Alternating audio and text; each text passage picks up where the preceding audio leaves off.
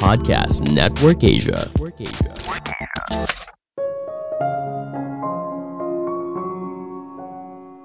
Jalan menuju sukses itu tidak seperti garis lurus, kadang berliuk-liuk, naik dan turun. Daripada fokus pada tujuan, lebih baik kita fokus pada sistemnya. Halo semuanya, nama saya Michael. Selamat datang di podcast saya, Sikutu Buku. Kali ini saya akan bahas buku How to Fail at Almost Everything and Still Win Big karya Scott Adams. Sebelum kita mulai, buat kalian yang mau support podcast ini agar terus berkarya, caranya gampang banget. Kalian cukup klik follow. Dukungan kalian membantu banget supaya kita bisa rutin posting dan bersama-sama belajar di podcast ini. Buku ini membahas apakah bisa orang yang sepanjang hidupnya sering kali mengalami kegagalan, namun akhirnya bisa sukses besar. Jawabannya bisa apabila kamu bisa belajar dari setiap kegagalan tersebut. Inilah yang dilakukan oleh penulis. Dia merupakan kartunis komik strip terkenal dunia bernama Dilbert. Kadang kita ingin buru-buru jadi orang kaya, jadi orang sukses. Tapi jalan hidup orang tidak ada yang tahu. Mungkin saja kita belum sukses karena kita tidak sabar. Sebelum jadi kartunis terkenal, penulis hanyalah karyawan biasa, pemilik bisnis yang berulang kali gagal, memiliki hak cipta yang tidak berguna, dan sebagainya.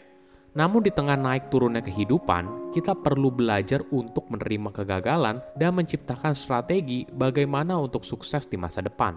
Saya merangkumnya menjadi tiga hal penting dari buku ini. Pertama, jangan fokus pada tujuan. Apa sih rahasia orang sukses? Apakah karena mereka punya tujuan yang besar? Kita mungkin sering kali mendengar atau membaca, kalau mau sukses, kamu harus punya tujuan yang jelas. Tentu saja hal ini penting, namun kadang orang yang punya tujuan belum tentu mencapai apa yang mereka harapkan. Kenapa begitu? Karena tujuan itu sifatnya membuat kita fokus di masa depan. Coba bayangkan skenario ini. Ketika kamu membuat sebuah tujuan, misalnya menurunkan 10 kg, tujuan itu berada di masa depan tapi untuk mencapainya, kamu perlu bekerja keras di saat ini, momen ini. Lalu ketika kamu mulai bekerja keras, kamu biasanya tidak langsung melihat hasilnya. Bisa saja 2 hingga 3 hari. Kamu turun 1 hingga 2 kilo. Kemudian di hari ketiga, berat badan kamu tidak turun atau bahkan naik 1 kilo. Bagi yang pernah menjalani diet, pasti pernah mengalami hal ini. Situasi ini sering kali membuat kecewa dan frustasi. Bagaimana bila kita ambil pendekatan yang lain? Di banyak contoh kasus, orang bisa sukses karena mereka punya sistem yang baik. Berbeda dengan sebuah tujuan, sistem itu fokus di saat ini. Jadi sistem adalah sesuatu yang bisa kamu kerjakan setiap harinya. Ketika kamu selesai mengerjakannya, maka kamu sudah mencapainya. Kembali ke contoh soal menurunkan 10 kg. Kamu tidak fokus pada berapa banyak kilogramnya, tapi fokus pada sistemnya. Apa itu? Misalnya, kamu berkomitmen untuk olahraga 30 menit hingga 1 jam setiap hari, makan sehat sesuai menu diet, dan sebagainya. Dengan cara ini, kamu membangun sebuah kebiasaan. Fokus kamu setiap harinya bukan pada 10 kg, tapi kamu harus bisa menunaikan komitmen yang sudah dibuat dalam hal olahraga, makan sehat, dan sebagainya. Hasilnya, cepat atau lambat, tujuan kamu akan tercapai. Penulis belajar soal sistem ini secara tidak sengaja – dalam sebuah penerbangan, dia duduk bersama seorang pria yang ternyata merupakan seorang CEO. Penulis lalu bertanya, "Apa rahasia kamu?" Orang itu menjawab, "Pindahlah dari satu pekerjaan ke pekerjaan lainnya, selalu cari peluang yang lebih baik." Ini adalah sistem yang dimiliki oleh pria tersebut yang akhirnya mengantarkan dirinya menjadi seorang CEO.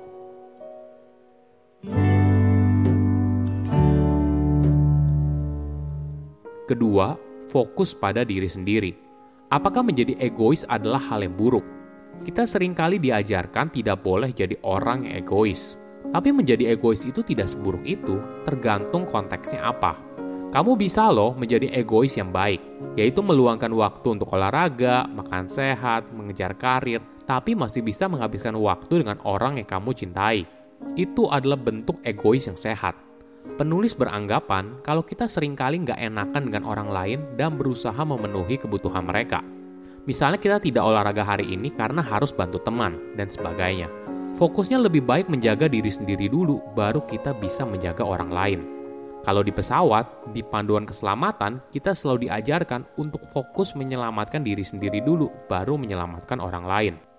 Apakah kamu berani belajar hal baru? atau memilih nyaman di pekerjaan atau keahlianmu sekarang. Setiap orang tentunya punya pilihan masing-masing. Namun punya banyak keahlian itu banyak untungnya loh. Penulis boleh dibilang merupakan seorang generalis. Ketika dia memulai Dilbert, komik strip yang mendunia, dia tidak bisa menggambar, menulis, atau berbisnis dalam tingkatan seperti sekarang. Namun penulis mengaku yang bisa membuatnya sukses adalah dia punya kemampuan yang cukup di semua bidang tersebut. Keahlian ini dia dapatkan dari berani mencoba berbagai hal dan akhirnya berujung kegagalan. Penulis gagal berkali-kali sebelum akhirnya berhasil menciptakan Dilbert. Dia dipecat dari perusahaan tempatnya bekerja, ide-idenya untuk permainan komputer dan hak paten tidak membuahkan hasil, restoran yang dimilikinya juga bangkrut. Namun semua pengalaman ini ternyata sangat berharga dalam membangun Dilbert. Dia banyak belajar soal bisnis dan pemasaran, itulah yang membuat Dilbert bisa sukses.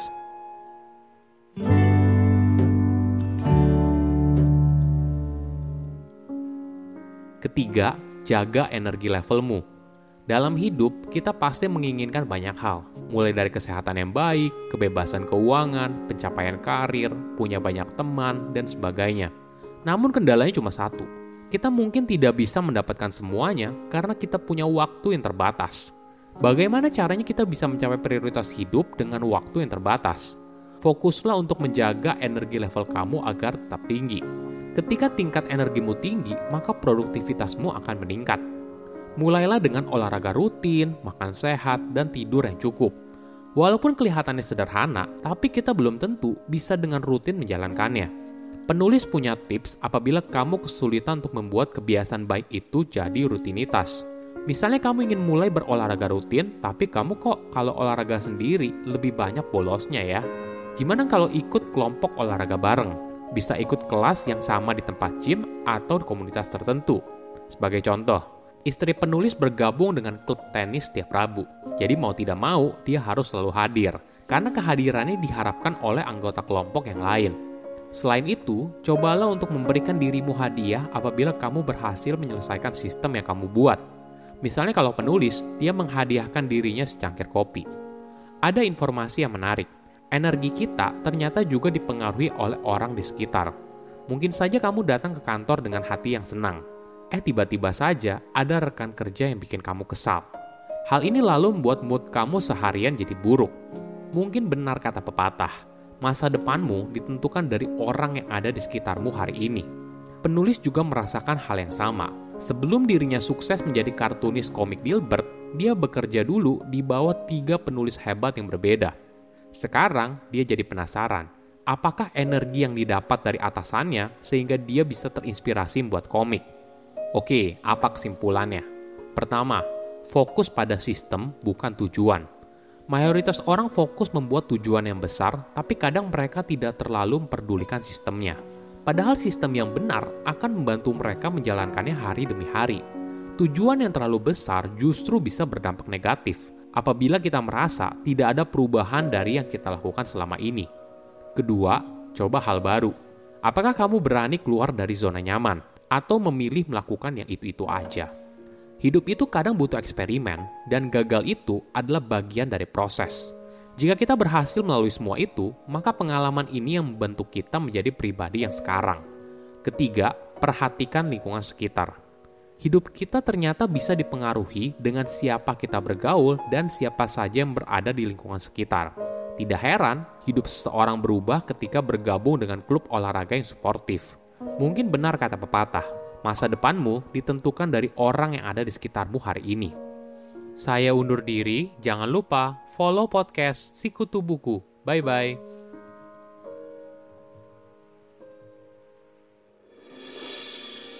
Halo, gimana episode barusan? Semoga suka ya. Abis ini mau nggak dengerin cerita seru dari Dewa Dewi Yunani? Nah, pas nih buat kalian para pecinta mitologi Yunani langsung aja mampir ke podcast Mitologi Santuy. Di sini kamu bisa dengerin cerita-cerita dari mitologi Yunani yang seru, tapi dibawakan secara santai. Jadi gak bakalan bosen. Ditunggu ya di podcast Mitologi Santuy.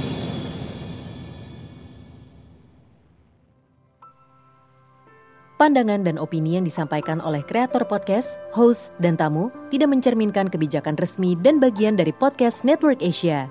Setiap konten yang disampaikan mereka di dalam podcast adalah opini mereka sendiri dan tidak bermaksud untuk merugikan agama, grup etnik, perkumpulan, organisasi, perusahaan, perorangan, atau siapa pun dan apa pun.